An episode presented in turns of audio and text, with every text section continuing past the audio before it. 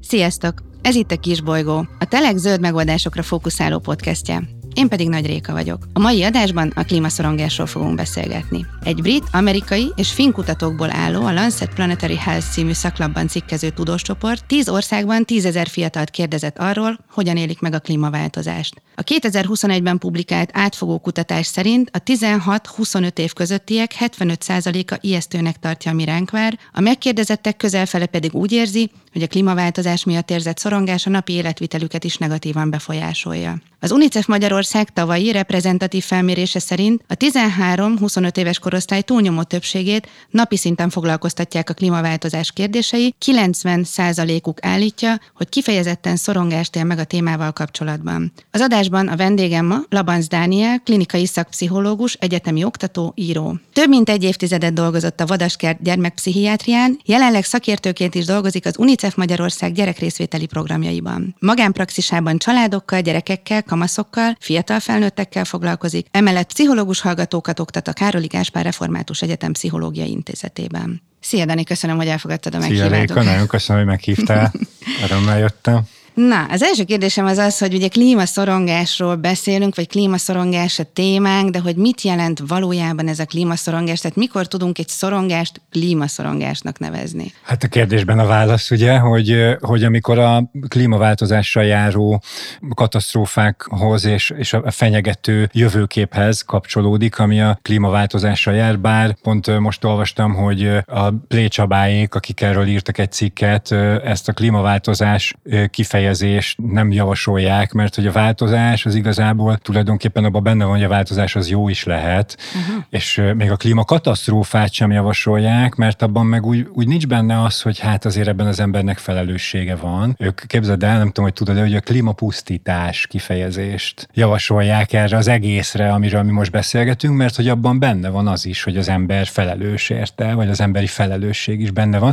De visszatérve az eredeti kérdésedre, hogy kezdjük ott talán, hogy mi a szorongás. És a definíció szerint, tehát klinikai definíció szerint a szorongás az egy olyan negatív érzés, amit valamilyen olyan helyzetben élünk meg, ami valójában nem fenyegető, de fenyegetőnek érezhetjük. Szóval a szorongás az nem mindig egy reális érzés, és nagyon sokszor nem is kötődik konkrét tárgyhoz. Néha csak egy ilyen általános negatív, rossz diszkomfort érzés, és bizonyos elméletek azt is mondják, hogy nagyon sokszor ilyen diszfunkcionális módon az, azért élünk meg szorongást, mert félreértelmezünk, vagy rosszul értelmezünk bizonyos helyzeteket, hogy fenyegetőbbnek látjuk őket, mint amilyenek valójában, mint ilyenek például bizonyos fóbiák, vagy a, mondjuk az agorafóbia, tehát amikor nem meri például egy ilyen súlyosan szorongó ember elhagyni a lakást, vagy a pánikbetegség, a pánikzavar, amikor tulajdonképpen a következő pánik rohamtól is ilyen, ilyen rettegés vagy szorongás tud fellépni, és itt fontos egy olyan distinkciót tenni, hogy a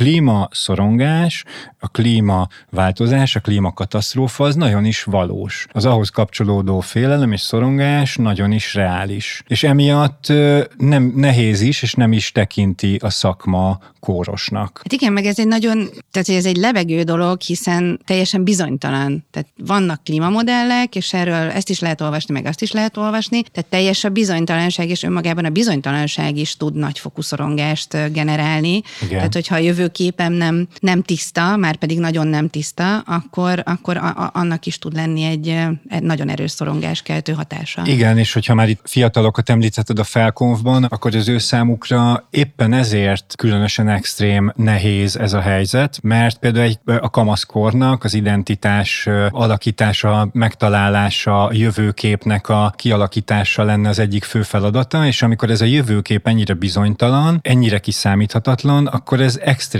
nehézé válik. Én a praxisomban is nagyon sok olyan fiatallal találkozom, tehát itt most tizenévesekről beszélünk, és már egészen azt hiszem, hogy a legfiatalabb klímaszorongó, akivel találkoztam, tíz éves volt. Egyébként pont az UNICEF-nek, az UNICEF Magyarországnak a tavalyi klímakonferenciáján beszélgettem egy kisfiúval, aki oda azért jött, hogy ezzel a klímaszorongásával ő valamit kezdjen és válaszokat találjon ezekre a szorongató kérdésekre. Szóval, hogy a fiatalokat ebben az értelemben sokkal jobban érinti érti, ha úgy tetszik, ha mondhatom ezt, mert hát egy felnőttnek igazából már van egy kialakult, kialakított identitása, van egy jövőképe. Zárójelbe teszem hozzá, hogy éppen ezért is nehéz a felnőttek attitűdjét mondjuk, vagy viszonyulását megváltoztatni, mert ez a jövőkép annyira az identitás része, hogy az, hogy ezt az ember feladja, az egy nagyon komoly önismereti munkát, és egy nagyon komoly önreflexiót igényel. A kamaszoknak, vagy a fiataloknak meg ez a nehéz, hogy akkor öreg alakíts ki egy olyan identitás, meg egy olyan jövőképet, amiben lehet, hogy tíz év múlva ö, teljesen máshogy fog kinézni a társadalom, a föld, az ök- ökológia, szóval, hogy ez, ez egy nehéz kérdés. Beletrafáltál a közepébe egyébként, én... Ezért jöttem. Ezt mondod, kevés időnk van. Ja, nem, mert hogy, hát hogy, a hogy a felnőttek, tehát hogy, hogy ezek a kialakult világképek, ezek már, már megszakadok, sem feltétlenül tudok rajta változtatni, ezért indultam én annak idején az édesanyák felé, ami persze kétes kérdésen részemről, hogy mennyire fair még egy terhet rakni az anyukákra, mert azt gondoltam, hogy ha rajtuk keresztül esetleg már alapgondolatok át tudnak menni, akkor esetleg már a születendő gyermekeknek tudnak egy olyan alternatívát mutatni, ami fel tudja egy kicsit őket készíteni erre. Hát fontos a, a tudatosság, és azt gondolom, hogy, hogy, hogy az ilyen irányú tudatosság az abszolút a nevelés az, az elsődleges forrása. Szóval, hogyha, hogyha a szülőkben van erre irányuló tudatosság, akkor az már egy, már egy olyan lépés, vagy olyan tovább lépés, ami a változásnak az egyik motorja. Csak hát ez ugye lassú, túl Sisyphus, lassú. abszolút, na ez így van, tehát mindig úgy látom ezt, mint egy ilyen western filmben, tudod, amikor szalad a főhős, indul a vonat, pöfög a vonat, és hogy, hogy így a metrikusban mikor érünk oda, ki ér oda előbb, és hogyan érünk oda.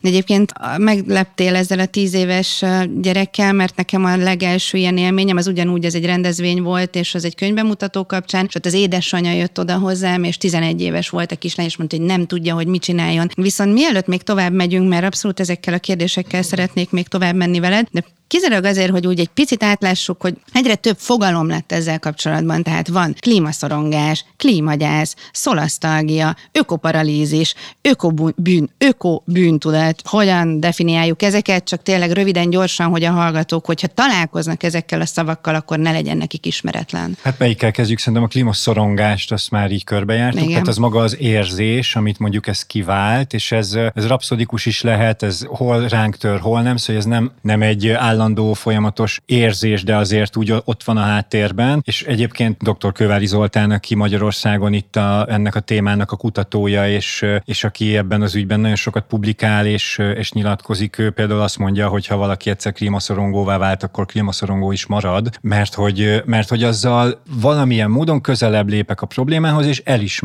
vagy beismerem, hogy van probléma, hogy, hogy akkor az egy szembenézést is magában hordoz, vagy maga után hoz. A következő fogalom, amit kérdeztél, ez a klímagyász, az egy olyan, az egy nagyon új fogalom, én is nem régiben találkoztam ezzel, csak néhány éve létezik, és ami ebben nagyon érdekes, az ugye az, hogy mivel a társadalomnak a nagy része, vagy legnagyobb része ezzel az egész témával kapcsolatban még mindig tagadásban van, tehát hogyha most csinálnánk egy reprezentatív kutatást, hogy mondjuk a média, a filmek, nem tudom hány százalékban jelenítik meg ezt a témát, akkor szerintem nagyon-nagyon alacsony lenne ez a szám, és, és az emberek többsége az előbb már említett okokból tagadásban van. És ami nagyon érdekes, hogy a tagadás az a gyásznak az első fázisa is. Ez egyik, egyik első fázisa. Hogy mit gyászolunk itt, tulajdonképpen az ökoszisztémát és azt a lehetséges jövőképet és életet, amit, amit már szintén említettünk, és, és az, azokat a lehetőségeket, amit a jelenünk, a jelenben megélt lehetőségeink már nem tudnak és nem fognak jelenteni. És hát ennek a, klímagyásznak több fázisa van, és ugye már említettem itt a tagadást, amikor, amikor hát nincs itt izé, globális felmelegedés, mert hiszen 70 centi hó esett, nem tudom hol, meg ezt csak klímahiszti, meg nem tudom, persze, tehát persze. Hogy, hogy, hogy egyszerűen nem próbál, próbálunk nem tudomást venni róla, nem nézni szembe. Része, vagy ö, ö, szakasza ez az alkudozás, amikor, amikor e, elkezdünk azzal barátkozni, hogy hát jó, akkor, akkor, akkor lehet, hogy ez tényleg van, próbáljunk meg ezzel megbarátkozni, de azért még én ragad ragaszkodom a saját kis jól megszokott dolgaimhoz, de azért jó, jó van klímaváltozás, de azért én nekem még fontos, hogy autóval menjek mindenhová, még azért megveszem a, a műanyagflakon, még azért, hogyha megtetszik a fast fashionbe, jó, persze, de azért ez még talán belefér. Szóval, hogy ennek a személyes alkudozás része, és hát nyilván egyébként tök érdekes kérdés szerintem, de most nem menjünk hogy a társadalom is végigmegy, tehát társadalmi szinten is szerintem megjelennek ezek a, ezek a szakaszok, például ha csak azt nézzük, hogy az egyes kormányok vagy, vagy, vagy nagy világszervezetek hogyan reagálnak ezekre a, a kérdésekre. Akkor a következő fázis ennek a klímagyásznak az a depresszió, ami nagyon nehéz része. Én általában ebben a fázisban találkozom a legtöbbször a kliensekkel. Mert hogy azt el kell mondjam, hogy én nagyon sokat foglalkozom kamaszokkal, fiatal felnőttekkel. Orosz Ildikóval írtunk egy könyvet kamasz gyerekeket nevelő szülőknek, az a cím, hogy Nyugi, és abban egy fejezetben ezzel a ezzel a klímaszorongással, klímagyásszal is foglalkozunk, illetve leírunk egy ilyen történetet, aki egy olyan lánynak a történetek az én praxisomban járt hozzám. Szóval, hogy a depresszió része, vagy a depresszió fázis, az az a része, amikor azt érzem, hogy minden mindegy, amikor úgy sem tudok semmit tenni, tehetetlen vagyok, túl kicsi pont vagyok én, hiába öltözök kapszulagardróbból, hiába járok biciklivel mindenhová, hiába figyelek a greenwashingra, stb., akkor sem fog semmi változni ez az érzés, ez a tanult tehetetlenség, vagy tehetetlenség érzés, hogy így nem tudok tenni ellene. És ez már az ökoparalízis egyébként? Az ökoparalízis az egy másik kifejezés, vagy másik fontos kifejezés, az, az, tehát a depresszió fázisában az ember azért csinálja, de valójában érzés szinten nem, nem érzi. Csinálja, mert csinálja, mert azért csinálja, de az ökoparalízis pedig ugye az, amikor le is fagy, tehát teljes tehetetlenségbe, teljes apátiába süllyed. Én találkoztam olyan fiatallal is, aki gyakorlatilag ebben a fázisban mondjuk így teljesen szinte felhagyott az evéssel. Tehát, hogy ilyen nagyon-nagyon extrém klinikai tünetek is megjelenhetnek. Tehát ö, olyan korábban ö, a DSM-ben szereplő, tehát a, a mentális betegség diagnosztikai kritérium rendszerében szereplő betegség, mint például az anorexia, vagy a, vagy a kényszer, vagy a, ö, tehát, hogy, hogy megjelenhetnek ezeknek a különféle tünetei, akár milyen mixelt, vagy ilyen kevert formában is. És, a, és ez az ökoparalízis meg az, amikor teljes, teljesen lefagyok, teljes tehetetlenségbe süllyedek, és már nem is teszek semmit igazából. És akkor a következő fázis az elfogadás, amikor elkezdem ezt elfogadni, hogy ez, ez létezik, ez már egy kicsit kifele mutat ebből a depresszióból, elkezdek belőle kilábalni, elfogadni, hogy ez van, elkezdem ennek az értelmét keresgélni, elkezdem reálisabban látni, reálisan látni, mert azért az is szerintem fontos, hogy az eddig megfogalmazott, vagy említett fázisokban sokkal katasztrofizálóbb a gondolkodás. Tehát, hogy azt gondoljuk, azt érezzük, hogy itt vége van a világnak, visszafordíthatatlan. Holnap után mind meghalunk, és nem tudunk ez ellen tenni semmit. Míg aztán utána az elfogadás, és utána az egész integrációja és az értel- értelmének, a saját életemben az értel- ennek az egésznek az értelmének, vagy az integrálásának a megvalósítása, az már egy feldolgozási folyamat, az már egy, az már egy változási folyamat, az már egy olyan reflexiós és egy, és egy, és egy, egy valódi tudatos folyamattá válhat.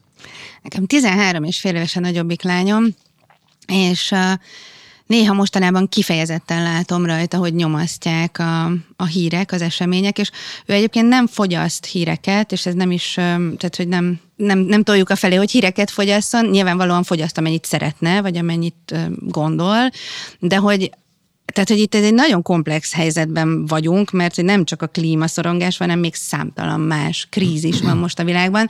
Erről mi otthon sokat szoktunk beszélgetni, tudod, ez a klasszikus, hogy most mi itt éljük-e meg úgy, hogy most ennyire sok minden van egyszerre, vagy korábban is volt már ilyen, és ezek helyzetek, amik változnak, jönnek, mennek.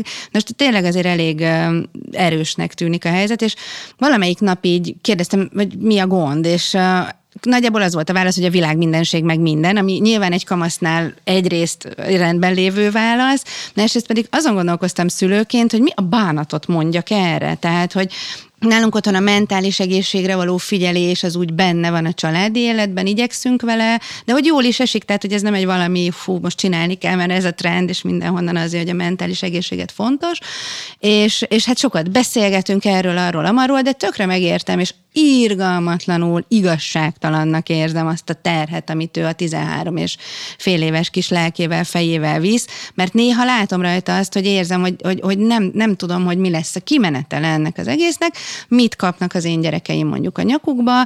Nem olyan régen volt egy elég komoly beszélgetésem egy nagyon-nagyon kedves ilyen pályatársammal, 30 pluszos, és mondta, hogy nem, ők nem vállalnak gyereket, tehát megvan a férje, és boldogan élnek, és folyton mindenki ezzel szórakoztatja őket, és aki, tehát hogy akinek elkezdi elmagyarázni, hogy miért nem, az hülyének nézi. De visszatérve Hát az még a tagadás fázisában van, ugye? Nyilván, mondjuk engem most egy kicsit, kicsit megörültem, hogy a, hogy, a, hogy a tagadás is, mert, mert közben persze logikus, ugye, hogyha a gyász folyamatot veszük. Hát muszáj lesz szembenézni előbb-utóbb mindenkinek ezzel, tehát így vagy úgy, igen. Ez kétségtelen, csak eddig mindig uh, személyes sértésnek vettem ezt a tagadást, pedig tanultam többször, hogy nem szabad. De visszatérve a, a, a kiskamaszokhoz, kamaszokhoz, tehát szülőként hogyan, hogyan tudjuk támogatni akár egy ilyen kérdést, vagy amikor látjuk, tehát hogy mondjuk még nem kóros, valószínűleg, mert figyelünk a gyerekünkre, bízunk benne, de látjuk, hogy mondjuk olyan kicsit letargikusabb, vagy ez is, hogyha megkérdezzük, akkor ez a válasz, tehát ezt mondja nekünk, hogy ez nyomasztja, akkor mi szülőként így konyha pszichológiával mit tudunk tenni otthon? Szerintem onnan induljunk el, vagy onnan érdemes elindulni, hogy, hogy ha most maradunk ennél a gyász folyamatnál, illetve ennél a szorongás dolognál, amit a te lányod is szóvá tesz, akkor én valahol onnan indítanám ezt, hogy ahhoz, hogy megérkezzen egy integráció, ahhoz, hogy eljusson ő is oda, hogy ő ehhez hogyan alkalmazkodik, és azt hiszem, hogy ez majd egy kulcs kifejezés lesz a későbbiekben, ahhoz, e, ahhoz ezeket a fázisokat ezeket az érzéseket meg kell élni. Szóval nem lehet megúszni sajnos azt, hogy sem a szorongást, sem a takadást, sem az alkudozást, sem a depresszió fázist. Az, hogy ki milyen mértékben éli ezeket át, az persze más kérdés, de egy olyan komoly változás ez, már csak a generációk felfogásában vagy jövőképében is, ami egy óriási, egy, egy óriási különbség ahhoz képest, amire mondjuk mi, mi készültünk gyerekként, vagy, vagy mondjuk a szüleink készültek, vagy készítettek minket. És hát nekünk is át kell menni ezen. Te, te azt mondod, hogy mennyire meg tudod érteni, hát igen, van ugyanúgy, mint bármilyen, bármilyen gyász folyamaton, akkor, hogyha elveszítünk valakit, egy szeretett szemét a családban, akkor mit csinálunk a gyerekkel? Hát együtt gyászolunk. Akkor, akkor egy, együtt vagyunk ebben, a, ebben, a, ebben az érzésben, akkor, akkor van közös fájdalmunk, kapcsolódunk egymáshoz, kapcsolódunk a gyerekhez, és az ő, ő nehézségéhez és fájdalmaz, és megszólítjuk, és hogy azt hiszem, hogyha, hogyha, hogyha mondjuk itt nyugtatgatni próbálom. Persze fontos, hogy, hogy, hogy igyekezzünk reális képet kapni, és reális információkat továbbítani a gyerekünknek, de hát a reális információk sem annyira pozitívak. És hogy én azt hiszem, hogy szülőként talán ez az első és legfontosabb, amit tehetünk, hogy egyrészt ezeket az érzéseket nem tekintjük úgy, hogy jaj, ne szomorkodj, ne sírjál, még sok időnk van. Tehát, hogy mint amikor egy, egy, egy gyásznál azt mondanánk a gyereknek, hogy á, nem történt semmi, minden megy tovább. Vagy mint amikor egy, nem tudom, most pont idefele jövet hallgattam egy rádióműsort, a, nem tudom, a szül, szülészeti problémákról, nehézségekről, mint amikor egy, egy gyermekét elvesztett nőnek azt mondanánk, vagy azt mondják, hogy vagy hogy, hogy jaj, ne sírjon, hát majd magának lehet még másik. Szóval, hogy ne próbáljuk meg bagatelizálni ezeket az érzéseket, hanem, hanem igenis egyrészt ismerjük el a létjogosultságukat, másrészt Másrészt fogadjuk el, hogy ez szükséges. Ez, ez, az, ez az út vezet ahhoz, hogy abban a változó világban és abban a jövőképben, ami ennyire bizonytalan, megtalálja a gyerekünk, és megtaláljuk mi is azt, hogy hogyan tudunk ehhez a legjobban alkalmazkodni. Nekem például az egyik kliensem, ő ugyan nem a, de ez egy jó példa, azt hiszem, ő nem, nem csak a klíma kapcsán szorong, hanem itt a szomszédunkban zajló háború miatt is nagyon sok, sok ilyen negatív gondolata és félelme van, és, és hogy mi lesz, hogyha itt nálunk is kitör a háború. Oda jutott el, hogy ő elkezdett egy olyan jövőképet kitalálni, kialakítani magának, hogy ha ideér a háború, akkor ő milyen ember akar lenni ebben. Ő hogy akar alkalmazkodni ehhez, hogy mi az, a, mi az ő szuperereje, ami majd segít neki abban, hogyha ez esetleg bekövetkezik, akkor fogalmazunk itt túléljen, vagy hogy, vagy hogy megtalálja a helyét benne. Mert hogy ez lesz, és ez kell, azt hiszem, hogy az integráció valahol az lesz majd, hogy, hogy ki hogy találja meg ebben a helyét, és hát persze nyilván nem tudjuk, hogy mi lesz, amit te is mondtál, amivel kezdted a kérdést, hogy annyira bizonytalan, hogy, hogy azért ez sem könnyű. De hogy mi az, ami az én szupererőm ahhoz, hogy egy ilyen változó, bizonytalan világban én minél jobban egyensúlyban maradjak. Túl sok dolog jutott az eszembe. Igen, láttam az arcodon, az alapján. Tehát egy pró- próbálom, hogy hon, honnan menjek. Az egyik az az, hogy én tavaly végeztem egy ilyen nemzetközi klímakommunikációs iskolában, és volt egy házi feladat, és olyan aranyos volt a tanár, hogy mondta, hogy erre kezdjünk el készülni időben. Egy picit más megvilágítás annak, amit mondasz, de, de van, van benne párhuzam, mert hogy nehéz lesz. És akkor jó, hogy ültünk, hogy jó, persze, persze, persze. És az volt a kiírás, a feladat kiírás, hogy keressetek olyan képet, amelyik pozitívan mutatja a jövőt és uh, nem lehet film, csak valamilyen művészeti alkotás, lényeg az, hogy statikus képnek kell lennie. Ezt én azóta mindenkinek házi feladatban feladom, mindenhol, akárhol előadok, itt most most adom fel a hallgatóknak. Uh, egyébként várom a megoldásokat, küldjetek, komolyan kérem, vért piséltem klasszikusan, minden uh, a pályán lévő képzőművész, mindenféle ismerősömet, zöld ügyekben dolgozok, tudtok-e mondani olyat, ahol a jövő pozitív és a filmben még találhatunk egyébként, képben tényleg nagyon nehéz, úgyhogy ezért mondom, innentől kezdve várom a megoldásokat, de hogy az tényleg egy nehéz dolog, és én ott nagyon megértettem azt, hogyha folyamatosan katasztrofista képeket mutatunk és látunk erről, pontosan tudom, hogy miben ülünk, tehát nem vagyok naív, tehát ez nem erről szól, de hogyha fejben sincs meg az, hogy akár, tehát hogy merre lehetne menni, vagy hogyan lehet ehhez, ahogy te is mondod, alkalmazkodni, hol lehet ebben a helyünk, hol lehetnek a megoldások, hogyha ezt nem látjuk magunk előtt, és egyébként nekem ez oldotta a nyilván átestem rajta klímaszorongásomat, klímadepressziómat, ami szerencsére egy rövid epizód volt, és valószínűleg tudtam integrálni innentől kezdve, de hogy, hogy én ezen nyilván átmentem, ez a mindennapi életemet elképesztő módon tudja támogatni.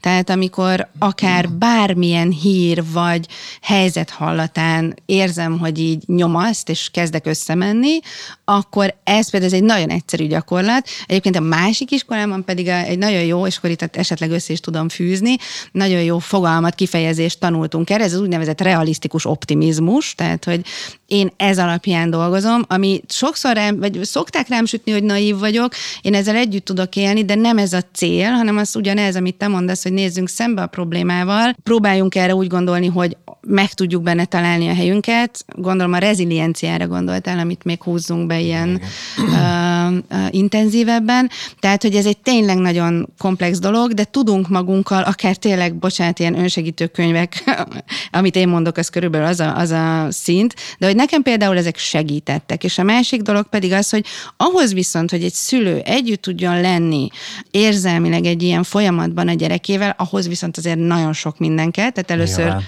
szükségeltetik ugye a szülő és a gyerek között egy olyan kapcsolat, amiben ez elmondható és ez értelmezhető, másrészt pedig, hát akkor a szülőnek azért túl kell lennie a tagadáson, mert hogy akkor nem tud uh, igen, empátiával igen, jelen lenni. Igen, igen, igen, az azért is, azért is egy nehéz ügy, mert, mert hát ugyanabban a szorongásos mezőben van a szülő és a gyerek, ha most, hogy használjam ezt a szép szakkifejezést, amit azt hiszem a kővári Zalitól nyúltam most éppen, szóval, hogy, hogy ez egy nehéz ügy, mert igen, mert ahhoz kell a szülőnek is tehát túl kell lenni ezen a tagadás fázison, és hát nagyon sokszor azt látom, hogy a gyerekek ebben sokkal előrébb járnak, mint a szülők.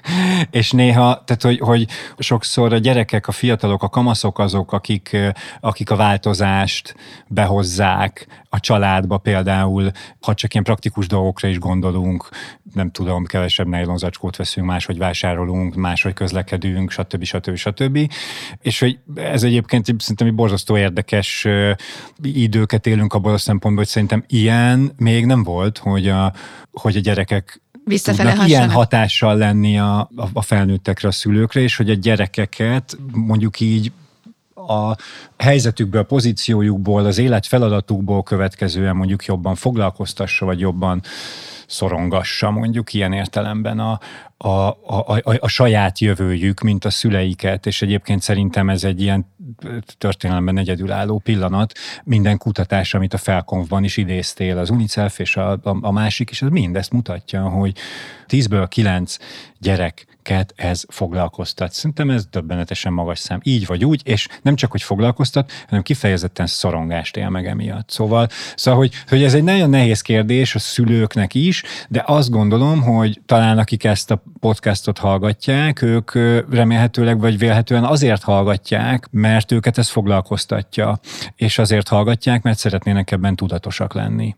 Képzeld, de hogy erre én is tanultam egy kifejezést, én akkor találkoztam ezzel először, és akkor uh, már foglalkoztam akkor gyerekekkel, ez a, hogy egy szendvics generációnak is hívják, ez az első olyan generáció, ami előre és hátra is tud hatni, tehát mm. időben, előtérben mm. és időben. Nekem egyébként erre az egyik kedvenc sztorim, egy kedves kolléginától az az volt, hogy, hogy ez, és egyébként ez egy tíz éves sztori nagyjából, hogy hazament a kislány az óvodából a mamához, a nagymamához, és ott állt a tejfölös dobozzal, halálcuki volt, és mondta, hogy mama, és ennyi volt a trükk, mama melyikbe? Dobjam. És a mama nem értett, hogy mi az, hogy melyikbe, hát a szemétbe, fiam, jó lesz az ott, és akkor, akkor, és legközelebb, mert a mama is azért, hogy benne volt a helyzetben, és, és, és beszerzett szelektív ö, szemetest. Nyilván nem az a megoldás, de ez nekem ez jó példa, ez, ez nagyon egyszerű kis történet, hogy már csak az, hogy melyikbe, már azzal, azzal el tud indulni egy, néha egy, egy-egy változás, vagy, vagy úgy oda lehet erre figyelni. Ez jutott még az eszembe, hogy hány éves kortól, mert ugye az információs elég fontos része része lehet ennek a területnek. Tehát jó, hogyha tudunk konkrét adatokat, de azért az se, hogyha túl korán beszélünk a gyerekeknek erről a kérdésről, vagy korán kezdünk el velük beszélgetni. Tehát, hogy mikor lehet a gyerekekkel mondjuk a klímapusztításról beszélgetni. Én ezt nem életkorhoz kötném, hanem inkább ahhoz, amikor a gyerek, tehát, hogy el, el, elfogja, el, eléri a gyereket eléri, elérik ezek az információk, és én azt gondolom, hogy most már egyre, egyre több olyan kiadvány van, könyvek, filmek, rajzfilmek, nem tudom, segítek, segítik a szülőknek a, a dolgát abban, hogy ezt hogyan lehet jól kommunikálni a gyerekek felé.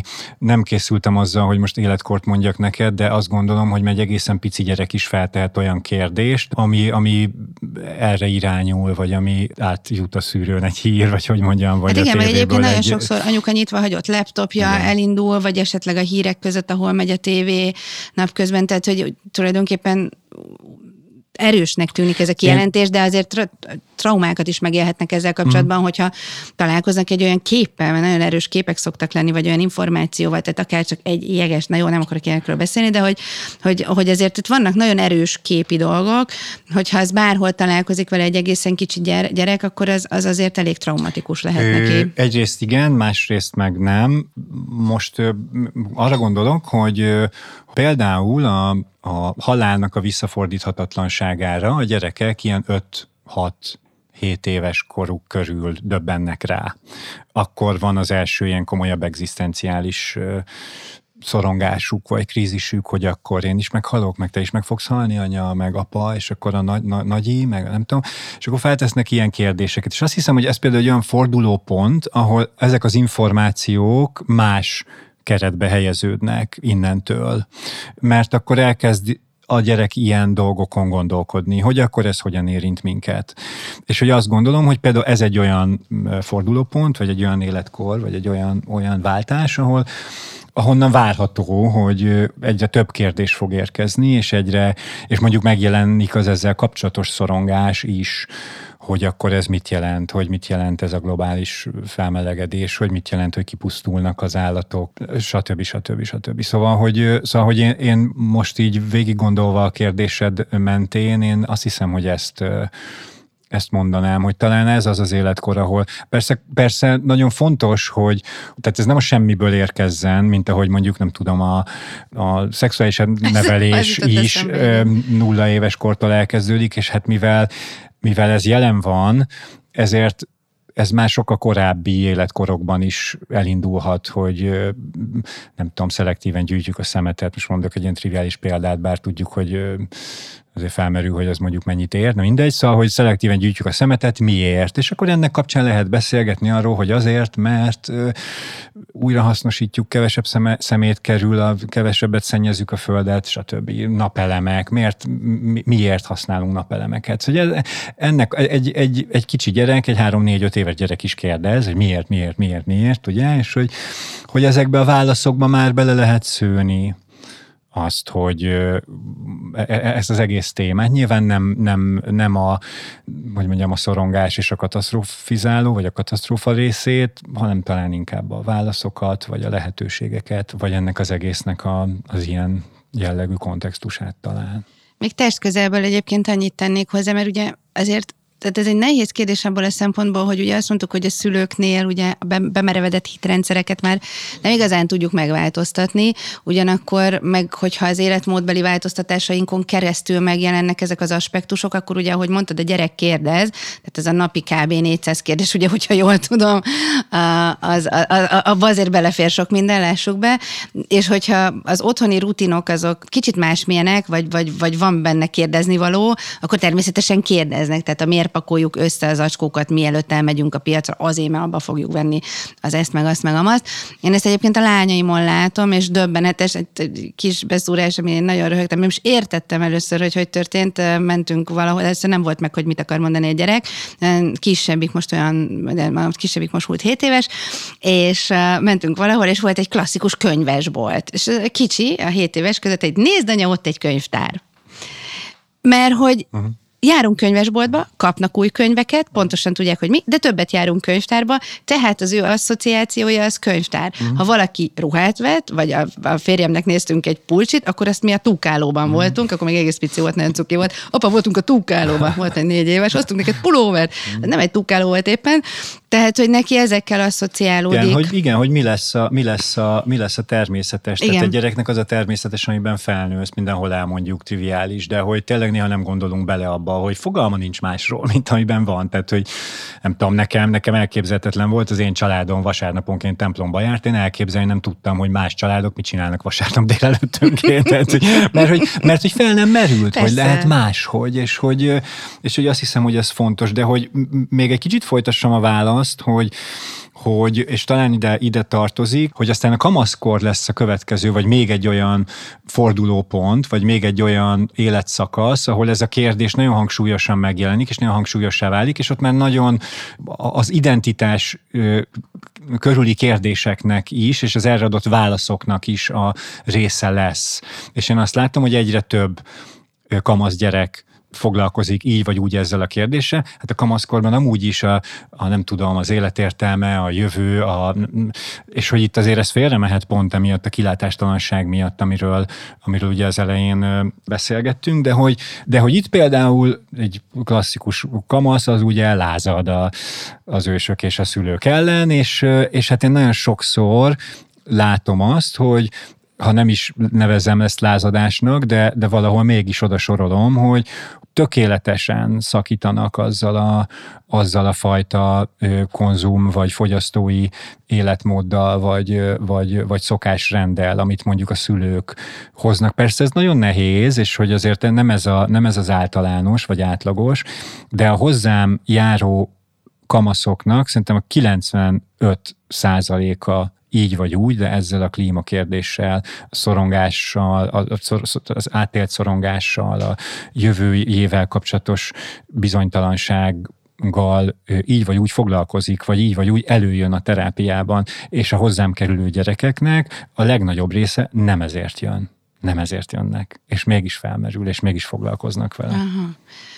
Egyébként visszatérve én kettő dologra, az egyik az az, hogy ezek után, hogy ezt elmondtam a gyerekeimről, kíváncsi vagyok, hogy én mit fogok a nyakamba kapni, tehát hogy ott mi lesz a lázadás, átfordul-e vagy nem fordul át. Uh, tehát... Nem biztos, hogy ebben fognak ők lázadni, szóval. Nem tudom, de azért így, így, van vele egy ilyen, de nem rossz, inkább várakozás. Én, én, én, én mindig azt gondoltam, hogy nem fogok tudni kapcsolódni kamaszokhoz, mert távolról mindig olyan nagyon furcsának tűntek nekem, amikor fiatalabb voltam a 30-as éveimben, és én egyszerűen, most tényleg lehet, hogy egy erős szó, de hogy így szerelmes vagyok ebbe a korosztályba, a saját lányomnak is, és a barátnőinek a, tehát nagyon szeretek velük beszélgetni, elképesztően izgalmas, csodálatos, tehát hogyha az ember megengedi, hogy vissza, nem is vissza, hanem beleereszkedjen ebbe a gondolatiságba, most ez akkora közhely, hogy gyerekeinktől mit tanulunk, de az együtt levésekben, tehát hogy én azért szaladok haza majd most az adás felvétele után, hogy a ma este újból elutazó lányommal még pár óra órát tölthessek,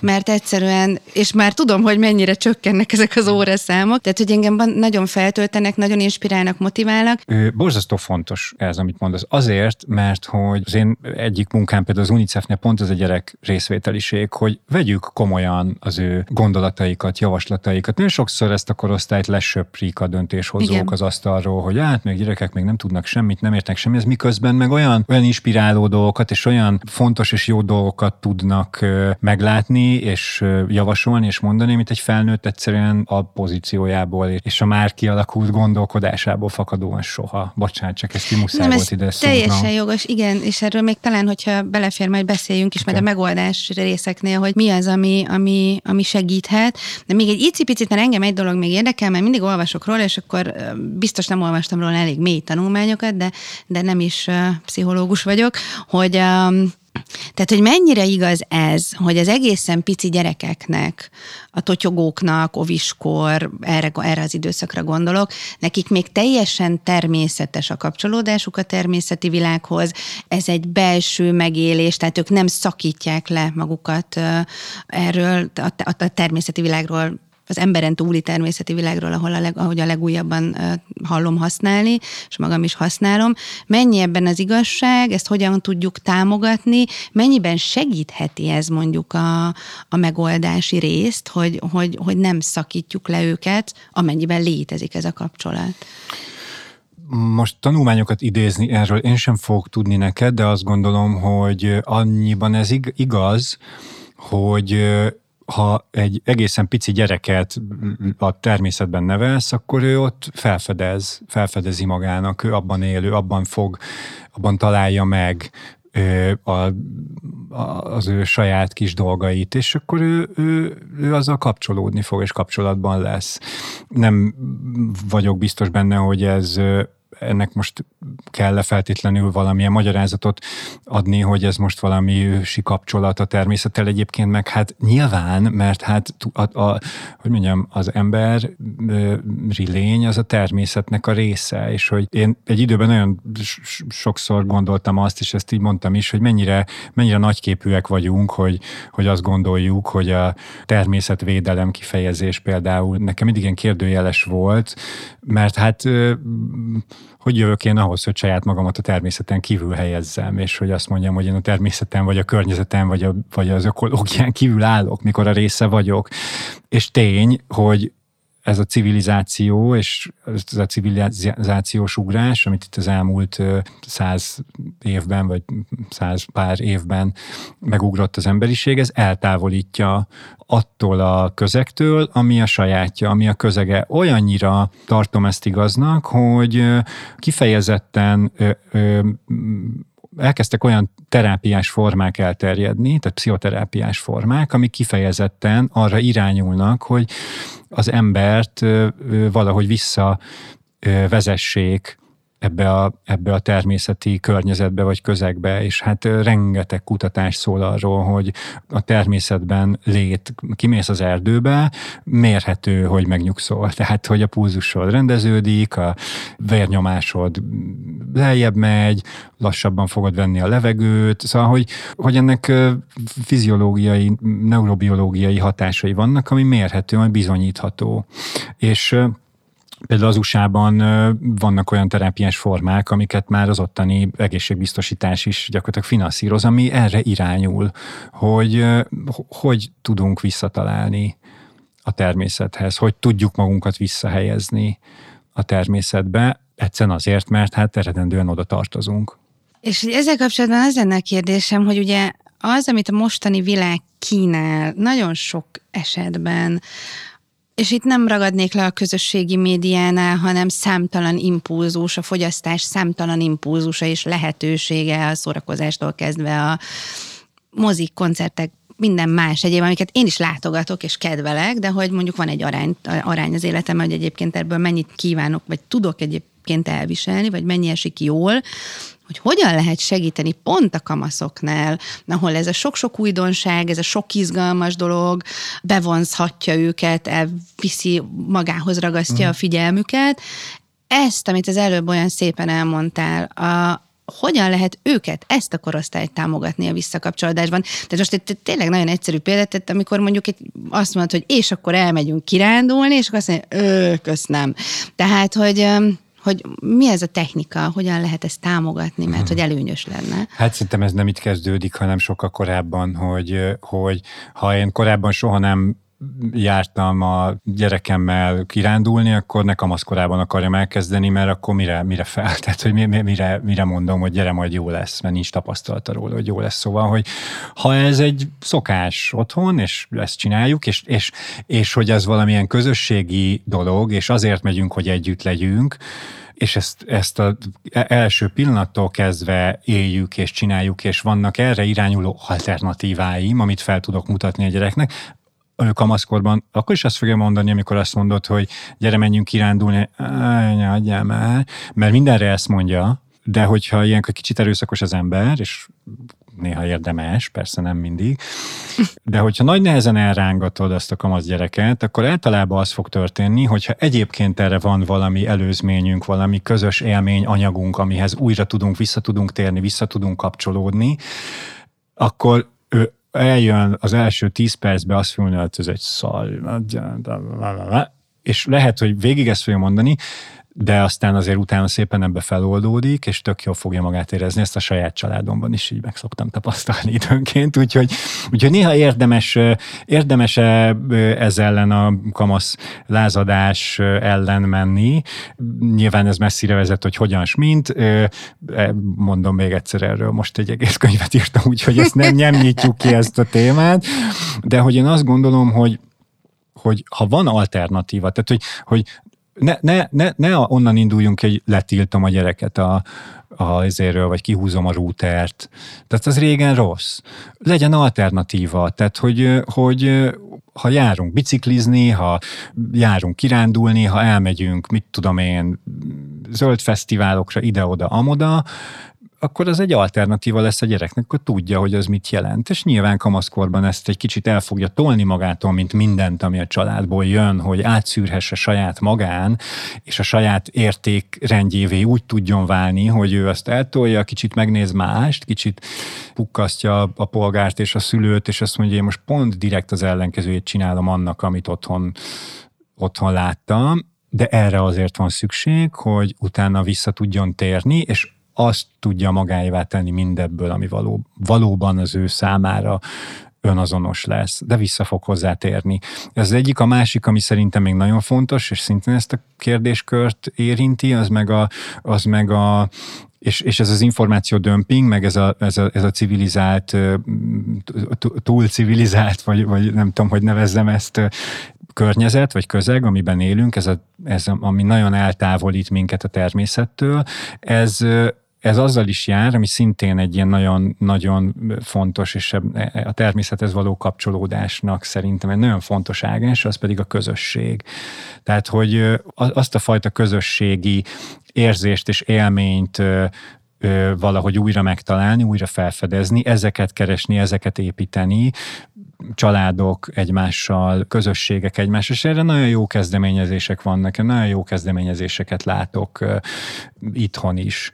Szóval, hogy, hogy ezeket a kis közösségeket és a kapcsolódást, az ilyen végtelenül egyszerű dolgokat mondok most, hogy igen, és akkor ilyen közhelyeket ne, szinte. Igen, de ezeket nem tudom, hogy lehet elégszer elmondani, mert hogy én is ezt érzem és látom, és uh, például olyan iskolába járunk a gyerekekkel, és a járunk az nem az, hogy beleragadtam a duál unió állapotába, hanem arról van szó, hogy itt, itt ezt mi szülők is uh-huh. edukálva vagyunk, uh-huh. és a szülői közösségnek a közös gondolkodása is uh, nagyon támogatott, és hogy azon döbbentem meg, hogy az elmúlt években egyre több olyan programunk van, ami az iskolán keresztül a, az egyéb családokat, tehát onnan ismerem őket, osztálytársaikat, teljesen természetes, hogy, hogy ezek elkezdenek mozogni, és hogy engem annyira meglepett, hogy ez milyen jó érzés. Tehát, hogy csetcsoportokban nem tudom, csak annyi, hogy egymásra írunk, hogy délután séta az erdőben, aha, aha simán. Na Akkor... ezt akartam pont mondani, hogy a szorongás szorongásnak egy nagyon jó ellenszere a közösség, hogy nem vagyok egyedül. A szorongás sokszor abból fakad, és az a, az egyik fő mozgató rugója, hogy magányosnak érzem magam, akár a klímaváltozás elleni harcban, akár a, nem tudom, a saját világomban, akár a családomban, hogy nem a, a valahova tartozni, az egy olyan alapvető emberi motiváció, ami hogyha nem elégül ki, akkor törvényszerű a, a, a depresszió és a motivációnak az elvesztése. Tehát, hogyha valaki egyedül ül a szobájában, nem kapcsolódik, nem tud kapcsolódni, mondjuk nem tanulta meg, nincs rá mintája, vagy nincs rá lehetősége, akkor törvényszerű, hogy pszichés problémái, zavarai lesznek. Ez, ezek neurobiológiai bizonyítékaink vannak arra, hogy ez hogy történik és miért. Tehát, hogyha ez a kapcsolódás, ez a fajta közösségi élmény nincs meg, hiányzik, akkor azok a motivációs, neurobiológiai motivációs rendszereink, amiknek ezek a hajtóanyagai alul működnek, a dopamin, a szerotonin, stb. stb. stb. stb. És akkor a fájdalomcsillapító, a test saját fájdalomcsillapító rendszereiről, a, még nem is beszéltünk, nem, nem tudom, az endogén opiát rendszer és az egyebekről, és akkor innen egyenes út egy ugrás az, hogy, hogy akkor ezt, ezt hogy próbáljuk megtalálni, különböző függőségekkel nyilván, uh-huh. amik ezeket a rendszereket érintik. Szóval, hogy, szóval, hogy ez, ez egy nagyon komplex és nagyon-nagyon bonyolult ö, ö, kérdés, de viszonylag egyszerű válaszaink vannak rá, és nem kell nagyon messzire menni, csak egy kicsit visszafelé. Igen, és nem kell nagyon túl gondolni. Egyébként még egy icipicit az előbb vitatkoznék veled annyiban, hogy én egy ilyen késői újra kapcsolódó vagyok, tehát én ilyen remizek mellett nőttem fel, meg stb. És egyébként nem is reméltem, hogy lesz egy ilyen lehetőségem, és az egyik az egy vicces rész benne, hogy lett egy kutyánk, és más volt a szempont, amikor választottuk, ilyen hipoallergén vonalon mozogtunk, és lett egy olyan kutyánk, aki viszont praktikusan sportkutya. És bár addig is jártunk sok helyre, kirándulni természetesen ide-oda, tehát ugye ahova legálisan lehet vele, de egyszerűen sokkal jobban életmódot kellett váltanunk, mert a kutya igényeit, hogyha nem akartam azt elnyomni, és az egész család felkerekedett, de hogy nekem nem, tehát nem jó volt, az egyik nagypapám erdőjáró volt valamelyest, de én ebből gyerekkoromban nem kaptam, mert akkor már idősebb volt ahhoz, hogy tudott volna magával vinni, tehát fullosan a városban nőttem fel, és most pedig azon kapom magam, hogy így simogatom a leveleket, meg izé ilyen trihager lettem, meg nem tudom, tehát hogy, hogy, hogy ez nem veszett fejszenyele, ezt csak ezt akarom mondani, mert nem, fontos, hogy, hogy lehet, hogy, hogy nem volt, ne, nem létezett az a szokás a családban előtte, de van egy ilyen naív kis izé, imamalmom, hogy ez visszaépíthető, biztos nehezebb és lassabb, mint hogyha organikusan már az elejétől fogva benne van, de hogy a magam példájából azt tudom mondani, hogy egyáltalán nem reménytelen. Igen, és ez egy nagyon nehéz kérdés, mert nagyon sokan biztos olyan is van, aki most ezt hallgatja, és azt mondja, hát biztos, hogy nem, hogy én kinnaludjak egy sátorba, vagy mit tudom én, vagy hogy csak, hogy kimenjek, amikor esik az eső, vagy nem nincs, nincs meleg, az ilyen elképzelhetetlen. Szóval, hogy, hogy azért ez egy nehéz kérdés, és, és hogy igen, ez, ez megint csak egy olyan, sokszor olyan változást és egy olyan önreflexiót kell, hogy igényeljen, ami nagyon sokszor nem megy egyedül, és nagyon sokszor segítséget kell kérni, most nem is feltétlenül természethez való visszataláláshoz, de mondjuk például ahhoz és abban, hogy valaki hogyan tud jól kapcsolódni egy közösséghez, hogy merre egyáltalán mondjuk megszólítani valakit, vagy elkezdeni egy beszélgetést, és hogy, és hogy ez a, ez a, ez a, ezek az ilyen civilizációs elidegenedéseink, ezek nagyon nehézé teszik ezt a visszakapcsolódást extrém módon, és hogy ez, ez, ez gond, ez probléma.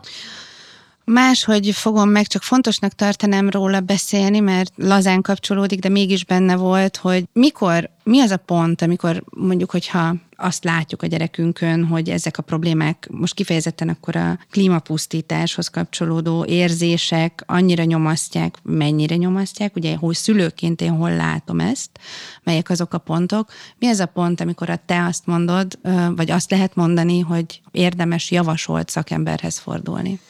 Akkor, hogyha nincsenek emellett, ezek mellett a negatív rossz élmények vagy érzések mellett pozitívak, tehát, hogyha ez, ez, ez szinte kizárólagossá válik, vagy, vagy, vagy sokkal több van ezekből a rossz, depresszív, levert, letört, szorongó hangulatokból, mint a, mint a felszabadult, játékos, nyilván korosztálytól függően bandázós részekből, vagy, vagy érzésekből, vagy, vagy élményekből, illetve hogyha, hogyha ez olyan szinten el hatalmasodik a gyereken, vagy a kamaszon, hogy, hogy lehetetlenné teszi a hétköznapi működést is. Tehát, tehát amikor ez olyan mértékűvé válik, hogy semmi mással nem tud már szinte foglalkozni, hogy csak ezt tölti ki az életét, szinte kényszeresen, akkor az, az, már, az már egy olyan erős jel, ahol, ahol érdemes lehet segítséget kérni.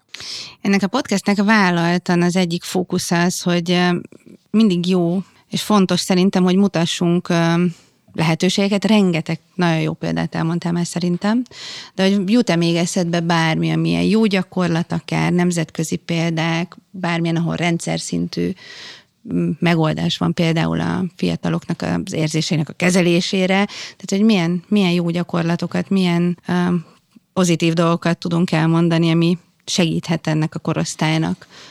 Most, hogy készültem erre a beszélgetésre, egy kicsit így szörcsölgettem az interneten, és találtam egy oldalt, amivel érdekes nem találkoztam még eddig, ez a klímagyász.hu egyébként. Én úgy vettem ki, hogy ezt nem szakmabeliek vagy szakemberek csinálják, hanem egy teljesen civil valaki. Remélem, hogy nem haragszik meg, hogy itt promózom az ő oldalát, és itt nagyon sokat lehet olvasni ezekről a dolgokról egyrésztről, másrésztről pedig én például azt is láttam, hogy indítanak csoportokat, klíma gyász csoportokat, ami tulajdonképpen abba az irányba mutat, amiről az előbb is beszéltünk, hogy az, hogyha a közösségben tudunk ezekről a dolgokról beszélni, ki tudunk egymásnak mondani félelmeket, látjuk, hogy nem vagyunk ebben egyedül, közösen tudunk valahogy túljutni, átmenni ezeken a ezeken a fázisokon. Tehát ez például szerintem egy olyan, olyan jó gyakorlat, vagy egy olyan, olyan lehetőség, ami, ami szerintem egyre elterjedtebbé fog válni, egyszerűen azért, mert, mert ezek lesznek azok a fórumok, ahol mondjuk meghallgathatok olyat, aki már ezen túl van, vagy, vagy aki előrébb tart ebben, vagy, vagy láthatom, hogy nem vagyok ebben egyedül, és vannak mások is, akik ugyanezzel küzdenek, és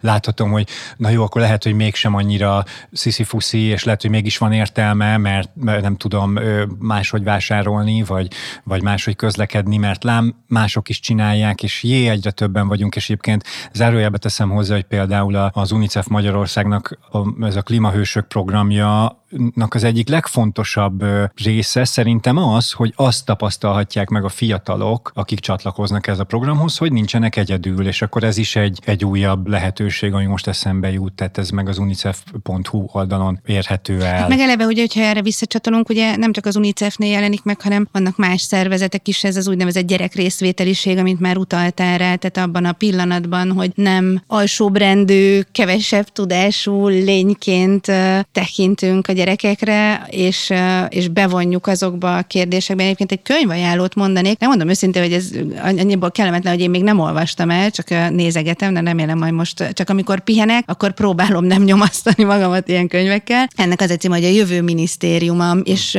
létrejön egy minisztérium a még meg nem születetteknek. Nagyon érdekes, mert kölcsönadom, hogy elolvastam és érdekel, hogy, hogy, hogy ez is egy, egy, egy jó eszköz, és ennek azért nagyon sok típusú formája tud lenni, és ennek is azért vannak jó gyakorlatai a világban, hogy hogyan lehet nem csak, hogy bevonni őket, hanem ahogy a előbb te is említetted, az ötleteiket, a gondolataikat beépíteni, figyelembe venni, mert hogy az is egy érdekes dolog, hogy mi egy olyan jövőben gondolkodunk, ami a mi lineáris gondolkodásunknak az eredménye lehet, de mi van, hogyha ők tök máshogy gondolkodnak erről az egészről, vagy legalábbis részben máshogy, mert hogy egyszerűen másban nőttek fel, és más az, ami rájuk vár, és más típusú gondolkodási rugalmassággal kell jelen lenniük, és ezért szóval, hogy nagyon fontos, hogy ez a párbeszéd sok területen jelen tudjon lenni, és ezt, hogy fogadjuk el felnőttként, hogy nem az van.